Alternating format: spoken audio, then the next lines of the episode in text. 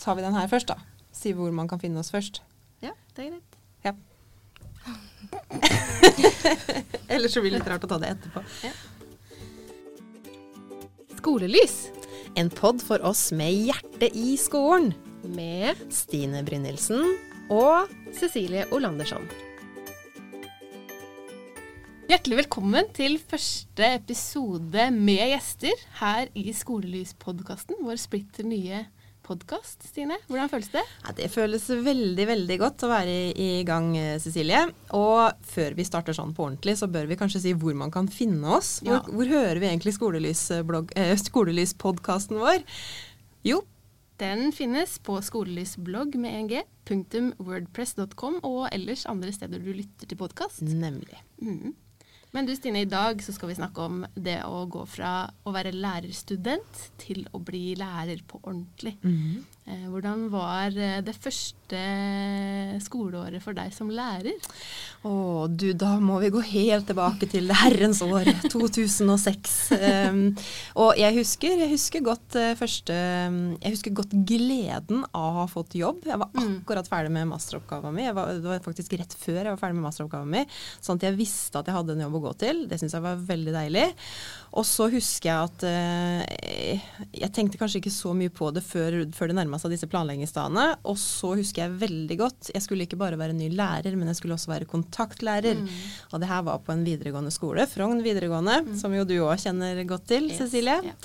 Em, og jeg husker den første, når jeg skulle ta imot eh, kontaktlærerklassen min, da hadde jeg skrevet en Det var sånn kontaktlærer minutt for minutt. Jeg hadde skrevet en nøye, detaljert plan. Fem minutter til å si velkommen. Fem minutter til ditt. Eh, to minutter på sånn og sånn og sånn. Så jeg hadde veldig Jeg, tror jeg hadde brukt mer tid på å planlegge den timen enn det faktisk tok på å, å gjennomføre den. Og så skjønte jeg jo ganske fort da at det ble litt, det ble litt krevende eh, å være så detaljorientert. Eh, men det som var fantastisk det første året, det var jo at eh, jeg starta på en helt ny skole. Altså Frogn videregående skole var jo en skole som åpna i 2006, eh, og der man ikke hadde noe satt skolekultur. De jobba på en litt annen måte med fagdager, så vi hadde hele dager eh, med f.eks. norsk da, eller engelsk, som er mine fag.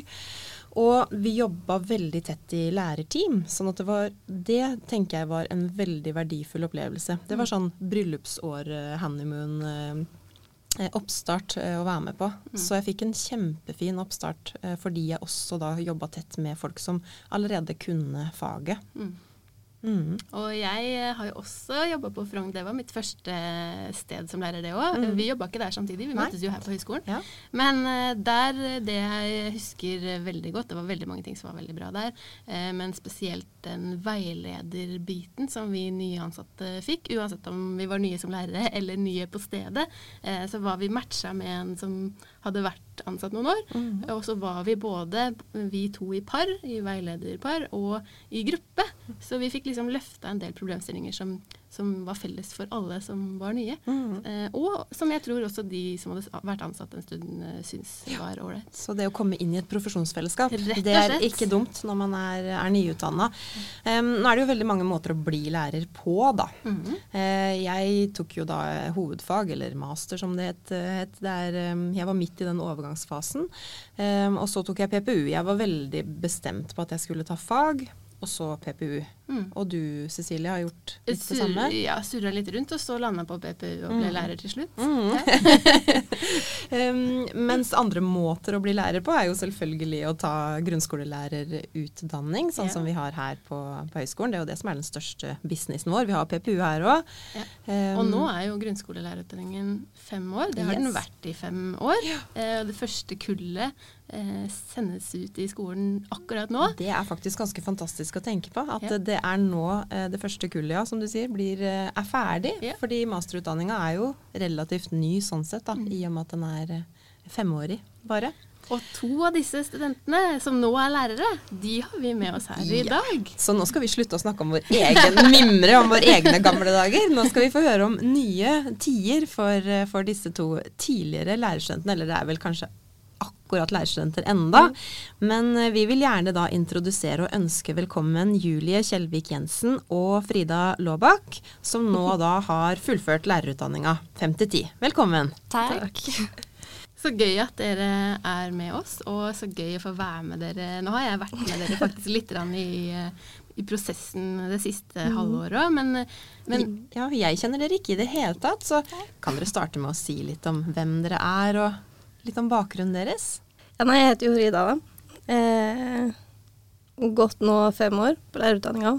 Og jeg husker jeg fikk det spørsmålet der i jobbintervjuet. Hvem hvem er du? Si noe om deg ja. selv. Og det har blitt de siste åra, så føler du at du egentlig nesten bare har vært student. Ja. Eh, men endte med en lærerutdanning i hvert fall fordi jeg hadde lyst til å jobbe med barn og unge. Eh, og skolen er jo en arena som alle må innom. Eh, og den viktigheten da å skape de gode skolehverdagene eh, var en sånn avgjørende faktor for meg på å velge lærerutdanning. Mm. Um, så det er jo det som kanskje kjennetegner meg og har gjort i mange år òg. At jeg er glad i mennesker. Yeah. Lyst til å jobbe med mennesker. Mm. Og de faga du skal jobbe mest med, er eh, Norsk og matematikk, norsk og matematikk. er det jeg har i fagpulja mi. Mm. Og så tok vi begge master i profesjonsretta pedagogikk, mm. hvor vi skrev om skolevegring. Ja. Det gleder vi oss veldig til å høre mm. mer om. Vil du si litt om deg, Julie? Ja. Eh, jeg heter jo Julie, da. Og ja, det er egentlig samme som Frida. Sånn på tanke på det at nå er det fem år som liksom bare har gått til det at man er student. Ja. Og jeg har liksom ikke fått gjort så veldig mye annet. Det er mye ting som har blitt satt på pause. Mm. Så, og jeg valgte jo utdanninga veldig mye pga. det at jeg ville jobbe med mennesker, jeg òg. Mm. Og så fikk jeg påvirkning hjemmefra, da, siden at moren min er lærer. Ja, det går noen ganger der. ja, det gjør det.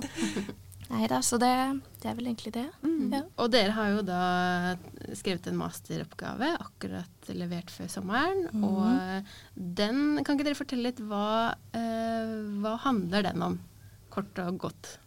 Kort og godt så er det jo skolevegring, da. Det var første. Det var uh, Jeg begynte vel egentlig å interessere meg for skolevegring idet vi hørte om det første året, eller andre mm. året. Mm.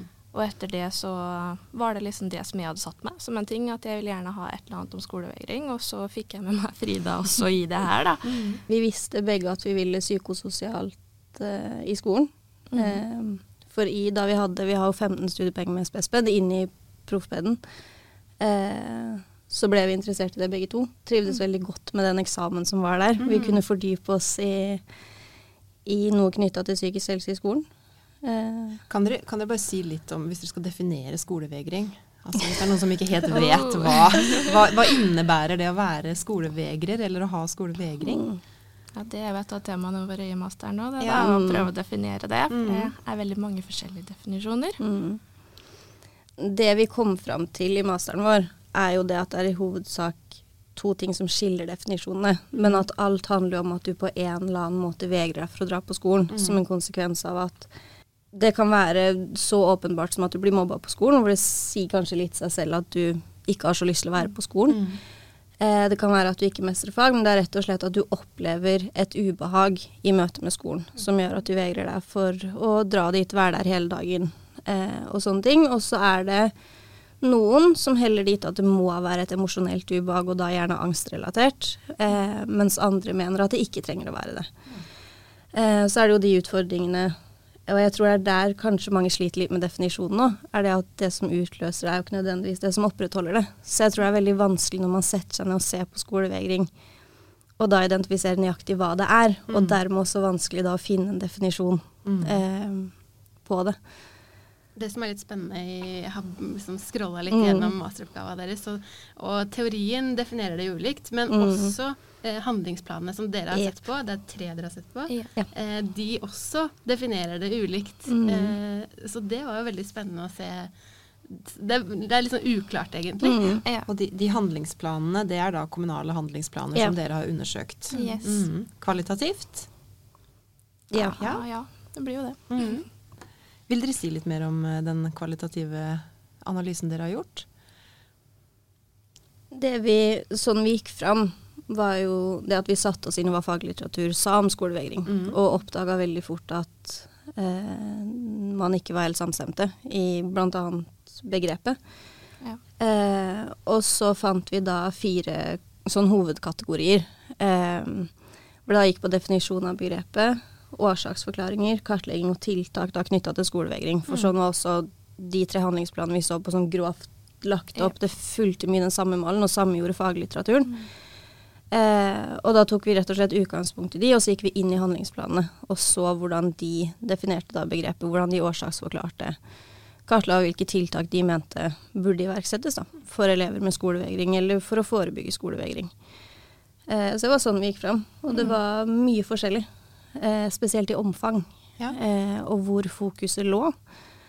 Men der vi fant størst variasjon, var vel i definisjonen av begrepet. Ja. Eh, og hvordan noen handlingsplaner var veldig diffuse. For de starta et sted, og så var vi litt over i en annen definisjon, og så mye alternative begreper.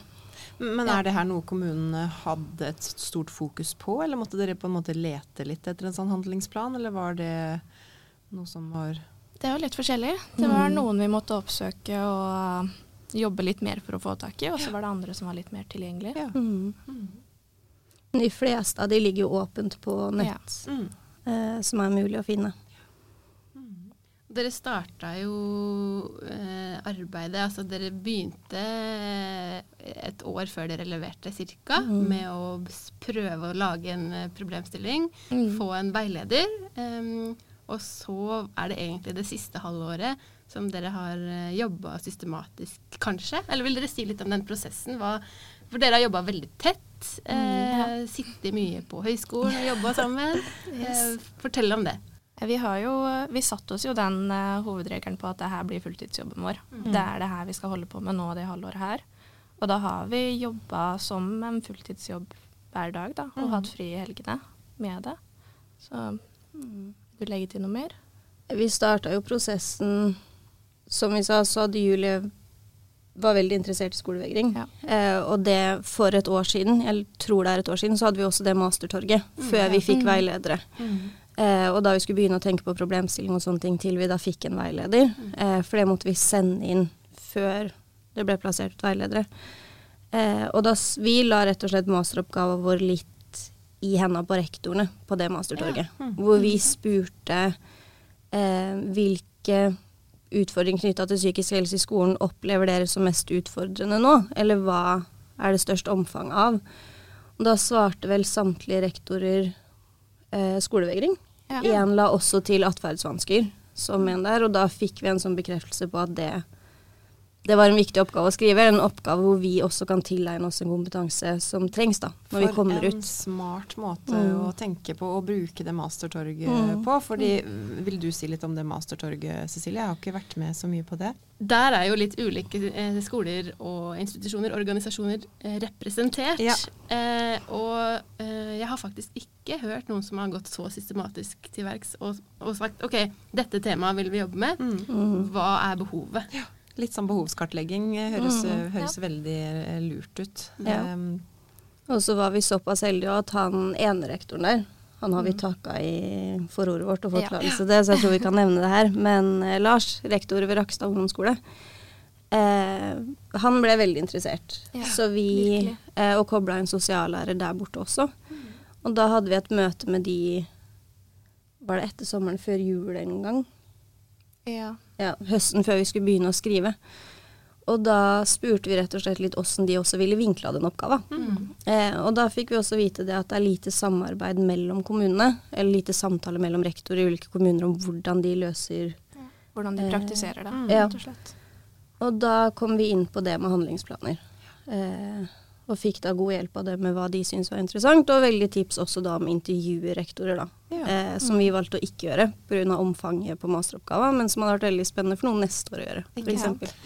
Nei, så det her høres ut som en veldig god eh, metode å komme seg inn i master, eh, masteroppgava si. fordi hvis vi går litt tilbake igjen til det her med å utdanne seg til lærer da, og bli lærer, så er jo den masteroppgava er jo selvfølgelig et, eh, et veldig viktig element der. Og det å kartlegge ok, hva er det som finnes der ute, både av teori og forskning fra før, og hva er det som faktisk oppleves som relevant for skolene, og som kan være interessante problemstillinger. Eh, høres ut som en kjempesmart eh, metode. Og som du sier, snakke med de som faktisk sitter ute i de forskjellige posisjonene. Så, og det er jo en god innfallsport for dere òg, selvfølgelig. Eh, hvordan har det vært å være to som skal skrive sammen, da? Jeg vil jo si at det har gått veldig bra. Ja. Mm.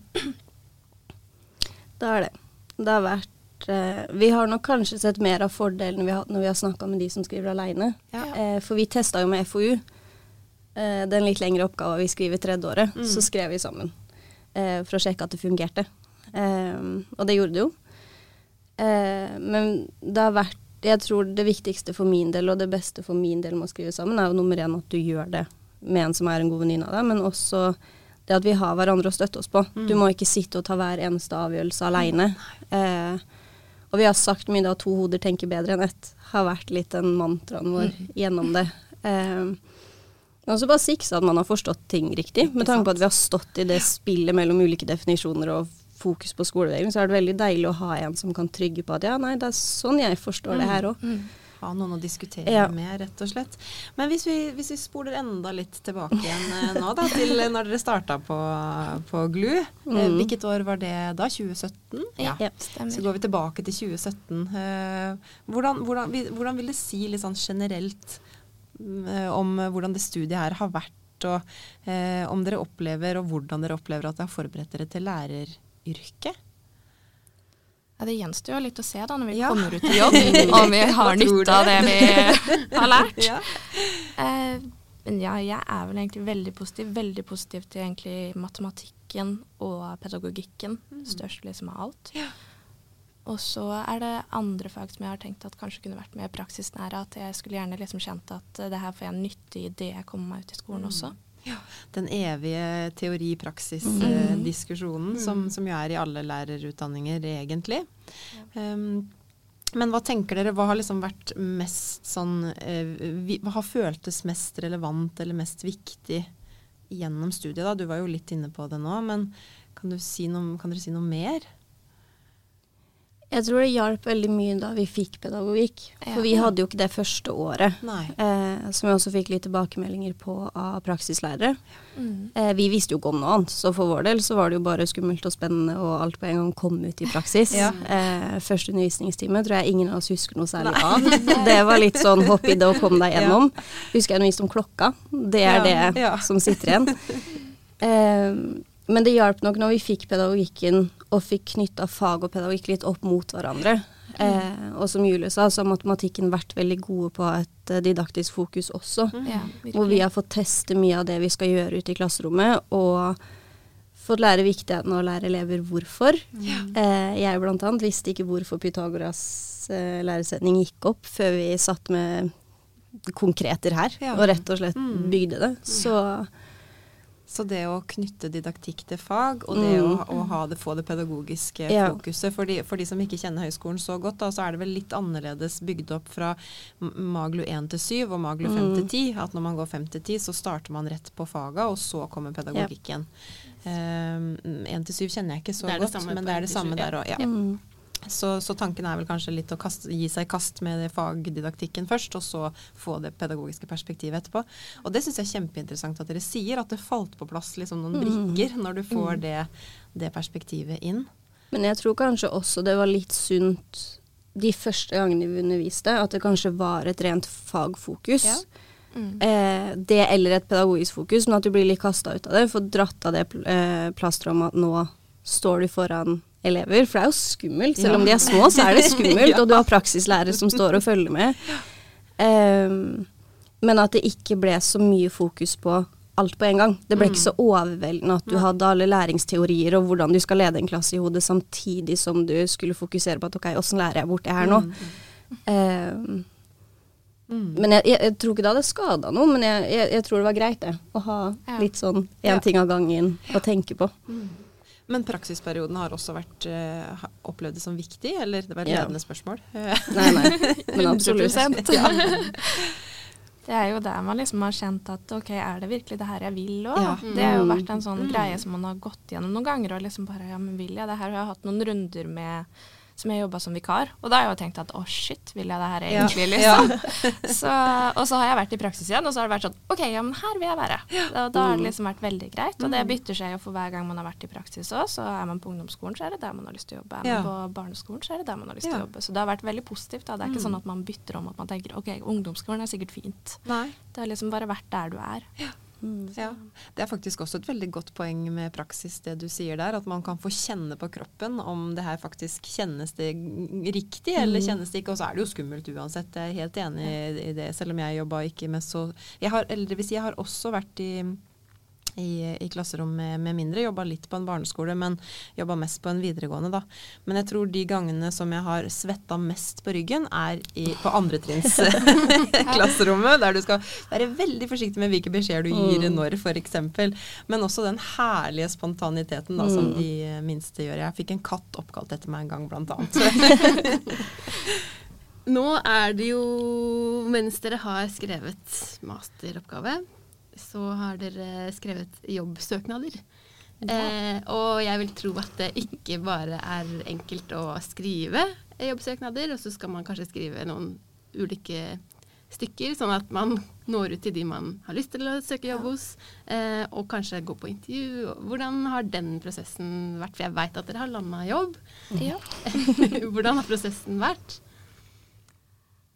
Det har vært en berg-og-dal-bane. Ja, Eh, det har det. Det starta jo med hva skriver man i en søknad. Mm. Eh, og litt Jeg, jeg syns den balansegangen var vanskelig med å være personlig, men også profesjonell. At de skal få et innblikk i hvem du er, og hva du kan bidra med, både for elevene, men også inn i kollegiet. Eh, Og det å ikke fylle sidene. For det er jo det vi har holdt på med nå. ja. Så det skal brått være kort og konsis, Ja. det skal være korte beskjeder, liksom. Ja, det var litt annerledes. Så det å få fram personlighet, men samtidig virke profesjonell. Mm. Eh, og plutselig da oppsummere alt du har gjort da, Ja. i løpet av fem år, og hvem du egentlig har blitt i et klasserom, og hvem du ønsker å være. Så jeg gjorde en helomvending til andre utlysning. Eh, for den første opp... Når jeg så tilbake på den, så syntes jeg han var for tørr. Ja. Jeg syns det ble litt sånn akademisk tekst Ja. og prega av det, og nå har vi nettopp skrevet master. Um, så det var litt mer personlig i runde to, og ble også påminnet av Snakka med en av de eh, vi har jobba med. Som sier men har du nevnt at dere har vært innom Rosa kompetanse, og at du har vært i Malawi og Ja. alle de tinga her? Jeg bare nei, det har jeg jo ikke. For det har jeg glemt. Ja. Eh, så det er mye å huske gjennom fem år òg. Ja, det er det. Eh, å få Mye fram. som skal ned på et papir, liksom. Mm. Gjerne en, under en side helst. Ja. Ja. Men så kom jo intervjuet, da. Hvor det var enklere å få fram personligheten sin. Men igjen, man må jo inn på det intervjuet. Mm. Eh, Og der Ja. var dere hver for dere, og da var dere jo splitta sånn Mhm. sett. Ja. Men dere har kanskje støtta hverandre i jobbsøkingsprosessen allikevel? hva eller? Ja, Ja. vi har det. Det har vært en veldig fin kultur oss studentene imellom å dele spørsmål man har fått og sånn. Eh, spesielt hvis det er noe du har opplevd som litt vanskelig å svare på. Ja. Eh, for det tror jeg kanskje var det som sjokkerte meg, var hvor åpne spørsmåla var. Mm. For nå er vi så sikkert litt sånn skada av muntlig eksamen. Ja. Hva hva er Ja, svaret? og du er så ute? Ja. Eh, men også sjokkert hvor hyggelig det var. Ja. Ja. Eh, for det var en samtale, egentlig litt som når vi sitter her nå, at de vil bli kjent med deg og om du stiller det, det ble veldig naturlig, i hvert fall i det intervjuet jeg var i. Så Ja, Det var samme for min del. Og Mm. jeg hadde det over Teams, da. For jeg dro Ja. jo til Egypt rett etter vi leverte master. Ja. Og da ble jo jeg ringt helt sa, Hei, skal du på intervju? Og jeg bare Ja, men jeg tar det gjerne over Teams. Men det gikk veldig fint, det òg. Det var veldig koselig. Jeg hadde to stykk der nede og fikk tilbud på begge stedene, så det funka i hvert fall over Teams. Ja, Så, kjempebra. ja. Og, og det er jo også, det intervjuet er jo også en måte å få en følelse om er det her en arbeidsgiver jeg kunne tenke meg å, Ja, å jobbe for. Da. Man får jo også følelsen sjøl som, eh, som den som er jobbsøker, da, selv om rollene er litt Det er litt sånn maktubalanse der. Men, men at det intervjuet kan også være viktig for deg som, som søker, faktisk. Men det kanskje er noe man burde, hvis man skulle tenke seg et lite råd på hvordan lærerutdanninga kan bli enda bedre. Så det her med å legge inn et lite jobbsøkerkurs eller eh, Jeg vet ikke om det er, det er mulig at det er noen sånne tilbud rundt omkring? Ja. eh, vi fikk Ja. tilbud om det. Jeg husker ikke Tror det kanskje hva- var her gjennom biblioteket eller Ja, noe ja, sånt. ja, ja. Ja. Mm. Og også over Zoom. Ja. Ja. Um, Men det er klart at når man står i den prosessen som er å skrive en masteroppgave, så er det jo det som er fokus. Og så Mm. hører man jo det Eh, at jep. eh, det er lærermangel, og Ja. trenger lærere. Og så, så tenker man kanskje ikke så mye over det, men når man står i den jobbsøkerprosessen, der har i hvert fall jeg, det har jeg kjent på, at man har liksom Mm. søkt og søkt, og så er det stille, men plutselig så kommer nappet, og da er det som regel et bra napp, kanskje. Ja. Jeg tror det er kanskje også et råd til dem som kommer etter oss, at ikke krisemaksimer, som jeg sa til gjorde. Fordi det tar, det tar tid. Ja. Og vi skjønner jo nå, vært med på et sånn eh, timeplansmøte, og vi skulle legge opp timeplan.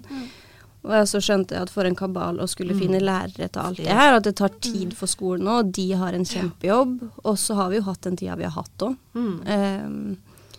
men is i magen uten å få panikk, Ja. tror jeg kanskje er et godt tips, for det kommer. Og selv om det er en andre utlysning, så betyr ikke det at man er noe mindre ønska. Det kan Nei, bare nei, være at de har ikke fått kartlagt behovet sitt da har det vært eh, ja, enda. Absolutt. Da kan det være ting som har dukka opp, og det, det skjer veldig mye Mm. ute i skolene. Så, så, så den Men hvordan tenker dere det, skal, det blir da å gå fra liksom å være masterstudent til å bli lærer? Det, blir jo, det er jo to helt ulike verdener, på en måte. Har dere tenkt noe på det? Jeg tror ikke det har gått opp etter nå, nesten. jeg.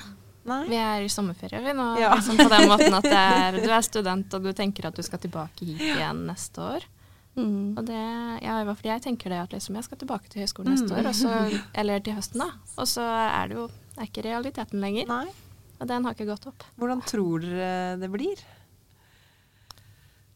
Jeg kan jo si at jeg gleder meg, da. Mm. Det er liksom første tanken som kommer, er at jeg gleder meg til å liksom komme ut og endelig få bruk for det som jeg har lært Mm. her.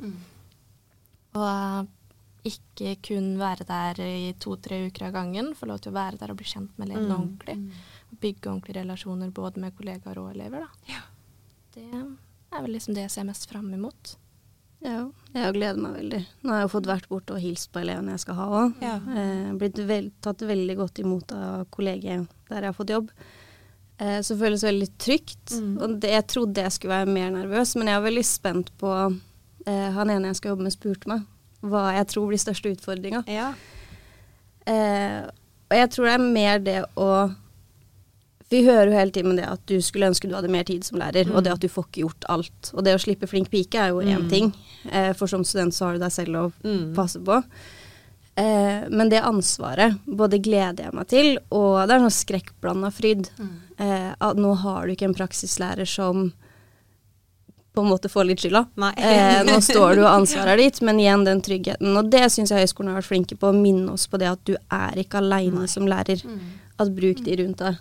Og vi kommer ikke ut som Vi kommer ut som nyutdanna. Ja. Og alle har vært nye en gang, og jeg tror det må vi støtte oss litt på.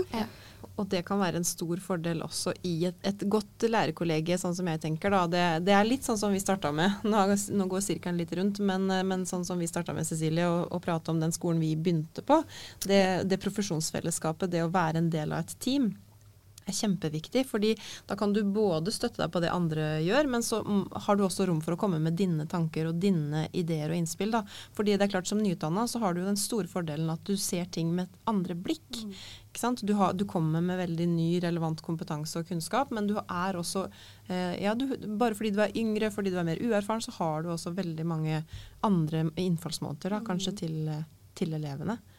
Så en god skole tar vare på, har et personale som består av veldig mange forskjellige, både alder og kjønn eh, og ulike pers folk som har ulike perspektiver, tenker jeg da.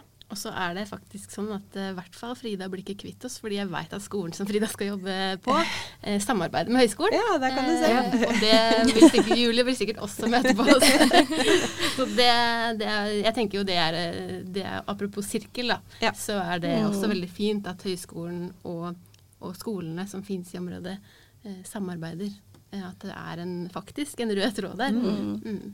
Sånn helt avslutningsvis da, så er det jo også litt interessant å prøve å spå litt inn i framtida i forhold til skolen. Altså hvordan tenker dere at framtidas skole kan se ut, eller bør se ut? Eller hvis dere skal liksom drodle litt eh, ti år fram i tid? 15 år fram i tid? Nå skal vi ikke, basere, ikke basere oss på teorihjulet. Nei, vi nå skal dere få drodle helt Ja. vilt. Hva, hva tenker dere, eller hva, sagt med litt på en litt annen måte, da, hvilken retning tenker dere det er viktig at skolen går i? Altså Er det noen ting dere er opptatt av? tenker jo det at nå har vi snakka mye om at skolen er tilpassa flinke piker. Mm. Har vært mye vi har prata om gjennom eh, høyskoleløpet vårt også.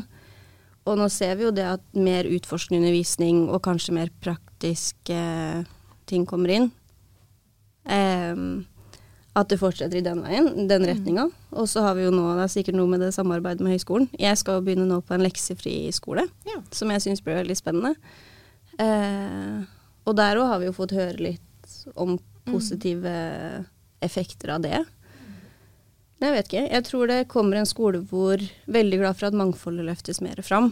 Eh, og at det har blitt en skole hvor det i hvert fall er tenkt at det skal være plass til alle. Og det er noe jeg tror vi kommer til å jobbe mye for. Og med generasjonen vår også, så tror jeg det kan kanskje komme som en litt større selvfølge. For vi har vokst opp i mangfoldige klasser selv, på alle mulige måter. Eh, at vi har snakka så mye om det, men jeg tror for oss er det mer naturlig. Selvfølgelig skal vi ta med oss den pedagogikken og det som ligger i det, men veldig naturlig for oss at eh, samfunnet er som det er. Det tror jeg blir en bra skole, Mm. eh, rett og slett. Tusen takk for at dere ville komme hit og dele erfaringene deres med oss. Og lykke til i Ja. nye jobber hver for dere. Jo, takk. Får vi se om det praksissjokket tar oss òg. Vi får håpe det ikke gjør det. Takk skal dere ha. Skolelys En pod for oss med hjertet i skolen. Med Stine Brynildsen. og Cecilie Olandersson.